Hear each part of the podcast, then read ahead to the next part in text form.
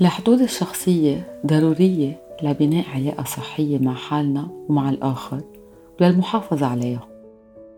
منفكر إنه الحدود هي مثل حيط تنبعد الناس عنا أو تنرفض الآخر بس بالعكس الحدود وسيلة تنهتم بحالنا.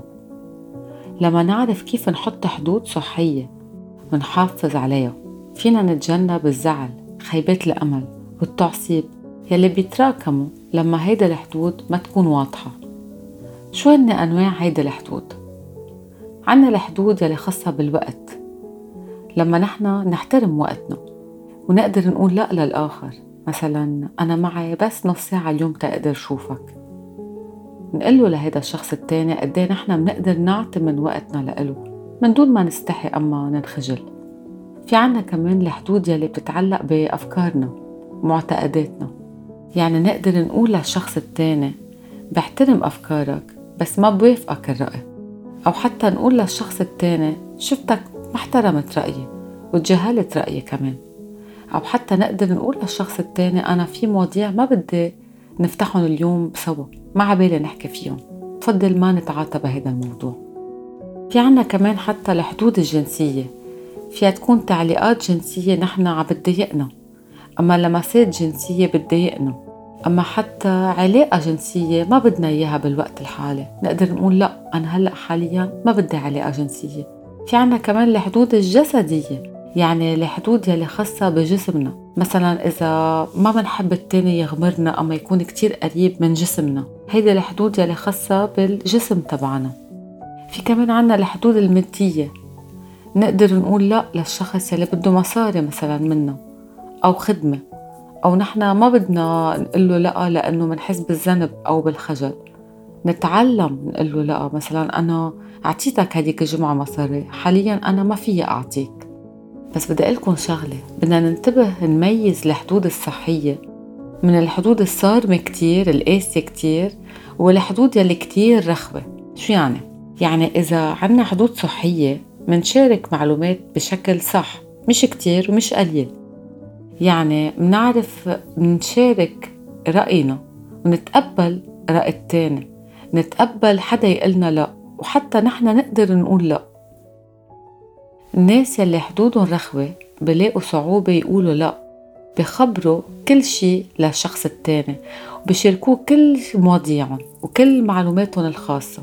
بيضطروا حتى يرضوا غيرهم ما يزعلوهم يعملولن يلي بدهم إياه خوفا من إنه هيدا الشخص التاني يرفضهم أو يتركهم أو يحسسهم بالذنب.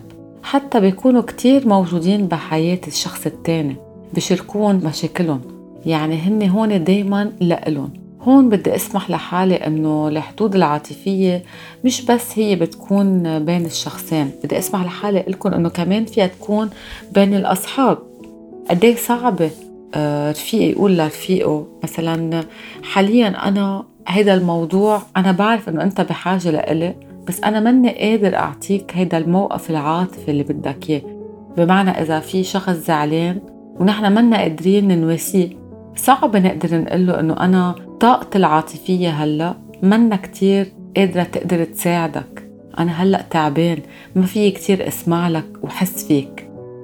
الناس يلي حدودهم كتير صارمة ومش صحية بيتركوا مسافة كتير كبيرة بينهم وبين غيرهم لدرجة إنه ما بفوتوا حتى بعلاقة حميمة مع الشخص التاني. وحتى هن كمان ما بيطلبوا المساعدة من الآخر قد ما هن حاطين حدود قاسية. حتى بيقدروا يرفضوا رأي التاني ما بيتقبلوا رأي التاني ما بيشاركوا رأي التاني. يعني يا أما بدك تمشي مع فكرتي يا أما ما رح أسمع لك. بحلقتنا اليوم بدنا نجرب نتعلم كيف نحط حدود صحية. كأول خطوة بدي أسألكم كم سؤال. إذا معكم ورقة وقلم جربوا اكتبوا الأجوبة على هيدي الورقة. بدي أسألكم شو يلي عاملكم stress حاليا؟ أو عدم راحة؟ شو يلي بتحبوا تعملوه كل يوم؟ شو يلي بتخافوا تعملوه كل يوم؟ شو يلي بيعطيكم طاقة energy كل يوم؟ أو مين يلي بيعطيكم طاقة كل يوم؟ مين أو شو بتعبكن كل يوم؟ مين أو شو بحمسكن كل يوم؟ مين أو شو بحسسكن بالأمان أو بقيمتكن؟ والعكس مين أو شو بحسسكن بالقلق وبالخوف؟ من بعد ما قريتوا منيح أجوبتكم صرتوا تعرفوا شوي أكتر بمرحلة أولى. شو هن القصص يلي بقووكن وبريحوكن؟ وشو هن القصص يلي بضعفوكن؟ هول القصص يلي بضعفوكن هن هول القصص يلي نحن بدنا نشتغل عليهم نحط حدود صحية كرمالهم تاني خطوة بدي اياكم ترسموا بيت كبير. جوات هيدا البيت؟ اكتبوا القصص يلي بتعطيكن قيمة. القصص يلي بتريحكن. شو ال motivation تبعكن؟ شو القصص يلي بتعملوها من دون stress وقلق؟ برات هيدا البيت بدي اياكم تكتبوا شو القصص يلي بتعملكن stress وقلق وقلة راحة. فيها تكون إلها علاقة بالناس أو بمواقف معينة. مثلا رفيقي يطلب مني مصاري كل يوم. مشاكل بالشغل مع الزملاء. الشغل يلي بعد الدوام رغم إنه أنا عبالي أعمل sport اعتل هم حدا يحكي عني قصص بشعة. مثلا أمي تقلي إنه أنا نصحان أو مثلا مربى أولادي غلط. شريكي يتجسس على التليفون تبعي من دون اذني مثلا أختي تدقلي بس وقتها هي تكون بدها خدمة مني. كل واحد هون ياخد الوقت ويشوف القصص اليومية اللي ما بحبها بس بينجبر ينحط فيها. هلأ هيدا البيت يلي رسمتوه هو قوتكم. الحدود يلي نحن ما نشتغل عليهم هن الباب تبع هيدا البيت. كل ما هيدا الباب هو ماكن بس بنقدر نفتحه وقت اللزوم ونسكره وقت اللزوم كل ما نحن بنكون عم نرسم حدود صحية لإلنا. قد نحن بنفتح هيدا الباب ومنستقبل القصص يلي بتزعجنا قد إيه نحن بنكون عم نتمرن على هيدي الحدود الصحية. عيدوا هالإكزرسيس تتكتشفوا حالكم أكتر. شو القصص يلي بتقويكم وشو القصص يلي بدكم تغيروها لأنه بتزعجكم هون من بعد ما حددنا القصص يلي بدنا نحط لها حدود أول شي وأهم شي بدنا نتعلم نقول لأ. كل واحد عنده الحق يقول لأ. بس هيدا الشي في يكون صعب لإلنا خاصة إذا ربينا ببيئة لا هو خطية أما مش معودين نقول لا أما مجبورين نقول إيه. في كتير أميات بعلموا أولادهم خاصة البنات يقولوا إيه لأنه بدهم إياهم يكونوا مهذبين. حتى آه بنتعلم نقول إيه لأنه منحس بالذنب. منخاف نزعل الشخص التاني أو منخاف شو هيدا الشخص رح يفكر عنا إذا قال عنا إنه نحن سائلين إذا رفضنا وبطل حكي معنا وصرنا لوحدنا. لغة اللا بدها تمرين وبدنا نتمرن قدام المراية عجمل نكون واثقين منها بطريقة إنه تطلع بتهذيب منا مثلا محل ما نقول دغري لا ما بدي. فينا نقول ماني مرتاح لهيدا الموضوع حاليا. خليني أفكر بالموضوع. بفضل ما أعمل هيدا الشي هلأ. هيدا الشي ضد مبادئي بحترم لك رأيك بس ما بوافقك الرأي وبفضل ما أعمل هيدا الشي. ما فيي أعمل لك هيدا الشي. هيدا الشي ما بنسبني بعرف أنت بحاجة لإلي بس حاليا ماني قادر ساعدك.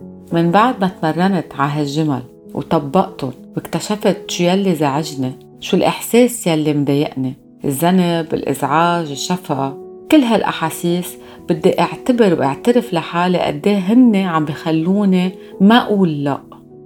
بدي جرب أتصالح مع فكرة الذنب والإزعاج والشفقة. بالآخر لازم أشفق على حالي لأن أنا يلي عم بنضر وقت ما عم بعرف أقول لأ. من بعد ما تعلمنا نقول لأ لازم نبلش نقول بوضوح وعلى صوت عالي لما الشخص التاني يتخطى حدوده معنا. مشان هيك دايما من أول العلاقة إذا قدرنا نوضح للتاني الحدود تبعنا. نقول بطريقة واضحة وما نخاف إذا قلناهم لأنه كتير مهم نتواصل لما نحكي عن حدودنا. نشارك شو هن هيدي الحدود مع هيدا الشخص الآخر بطريقة كتير واضحة وبسيطة. ما ضروري هيدا الشي يكون تصادمي أما فيه مشكل أما فيه زعل. أنا هيك بفضل وأنا هيك بفكر بكل بساطة. أنت تخطيت حدودك بهذا الموضوع. فينا نبلش ببعض الحدود البسيطة وشوي شوي كل يوم نتمرن على هيدا الخطوات يلي بتساعدنا نرسم حدودنا لإلنا وللشخص التاني. هون نصيحة للأهل. كيف بتعلموا ولادكم يحطوا حدود لحالكم؟ أول شي مثل ما دايما بقلكن الولاد à leurs parents بيتمثلوا بأهلهم. يعني الولاد بيعملوا مثل أهلهم. لما يشوفوا بيهم مثلا ما بيحترم أمهم. هن ما رح يحترموا الآخر وما رح يحترموا حالهم. رح يفكروا إنه هيدا الشيء طبيعة إنه التاني ما يحترمنا. أما وقت البي أما الأم أما وقت يكون في عنف جسدي بالبيت كمان رح يعتبروا إنه الجسم منه شيء مهم. نقدر نضربه ساعة اللي بدنا. نقدر نعيط عليه ساعة اللي بدنا. فينا نعمل فيها اللي بدنا إياه. وفي التاني يعمل فينا يلي بده إياه في يضربنا مثلا لأنه نحن ببيتنا ما تعلمنا نشوف إنه في حدود. إذا ما في حدود بطريقة الحكي وإذا ما بنسمع أفكار أولادنا إذا منجبرهم على قصص إذا ما بنسمع لهم أفكارهم ومنحترم لهم أفكارهم هن كيف رح يعرفوا يرسموا حدود لأفكارهم ويحترموا أفكار التاني؟ يعني اللي بدي لكم إياه إنه كل شي ببلش ببيتنا. نحن شو الموديل يلي عم نعطيه لأولادنا؟ حتى وقتا نحن نحترم الوقت بالبيت وقتا بنحط نظام. يعني منفهم أولادنا إنه في وقت للنوم وقت للدرس وقت للأكل. ولادنا رح يحترموا الوقت ورح يعلموا الشخص التاني يحترم لهم وقتهم. طبعا هون ما فينا ننكر إنه لازم نعلم أولادنا يحترموا جسمهم ونعلمهم يحترموا أفكارهم. نكون نحن الإكزامبل لهم أهم شيء نضلنا ثابتين بحدودنا. ونضلنا نتذكر إنه هيدي الحدود عم تحمينا. وحتى فينا نحط عواقب أما نقاصص الشخص يلي عم يتخطى حدوده معنا بمعنى فينا نقول له آه مثلا إذا بعد بتحكي بهالموضوع أنا رح اضطر فل وفيك حتى تقول بعرفك زعلان بس أنا ما رح غير مبادئي ما رح أتجاوب معك إلا إذا أنت غيرت هيدي الطريقة معي. هون منكون عم نعطي شانس للشخص التاني يغير معنا ومنفهمه إذا بكمل هيك نحن رح نضطر نغير معه. كمان فينا نبلش نقول لا على صوت عالي. كمان فينا نبلش نقول على صوت عالي أنا شو بدي من الشخص التاني مش شو ما بدي من هيدا الشخص. يعني فينا نقول أنا هيك بدي أنا بفضل هيك. هيدا الشي بنسبني فيي أعمل هيدا الشغل بس هيدا الشغل ما فيي أعمله. فيي أعطيك هيدا المبلغ بس هيدا المبلغ ما فيي. فيي شوفك الخميس فيي شوفك نص ساعة. هيدا الشي أنسب لي بهالطريقة بوصل مساج للشخص التاني على شو أنا بدي وبعلمه أكتر عن حالي. فإذا الحدود أساسية لإلنا. كتير بيحمونا وبيساعدونا نحب حالنا أكتر ونحترم كياننا. أهم شي نفهم نحن شو يلي منتقبله وما منتقبله ونفهم لهيدا الشخص التاني قيمنا وشو يلي نحن منقبله وشو يلي ما منقبله. بمختصر الحدود مثل حصانة بتساعدنا نعيش يومياتنا بطريقة أحلى بطريقة أسهل.